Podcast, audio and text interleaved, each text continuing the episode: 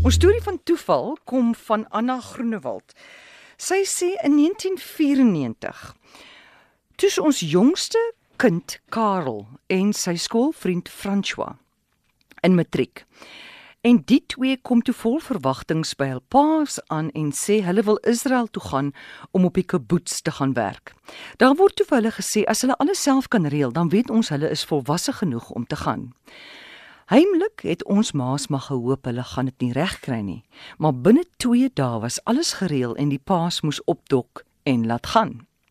Nou in Israel het hulle gou vriende gemaak met jong mense reg oor die wêreld, onder andere ook 'n meisie van Japan. Sy het toe by ons kom kuier in 1995 in Kinross, Mpumalanga. En Karel het haar die mooiste plekke in ons land gaan wys. Hulle het 'n wonderlike tyd gehad. 16 September 1999, 4 jaar daarna, sny ek Karel se hare eendag.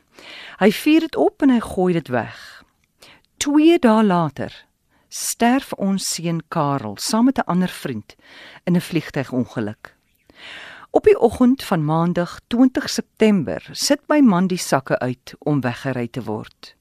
Groot hartseer die aand dat ons nie net 'n stukkie van sy hare gaan haal het nie. Ek skryf toe maar vir die Japaneese meisie 'n brief met die tyd om haar in kennis te stel van die groot tragedie. Vroeg in Desember 1999 ontvang ons 'n brief van haar. En in die brief is 'n klein pakkie. Sy sluit haar brief soos volg af. I am enclosing Carl's hair, which he gave me to relieve me from my sadness of leaving Kinross, South Africa. It has been sitting in my room with other memorial pieces from my African journey. I believe it must go back to its homeland where it came from.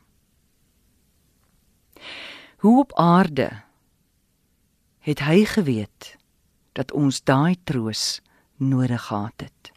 Liefde Anna Groenewald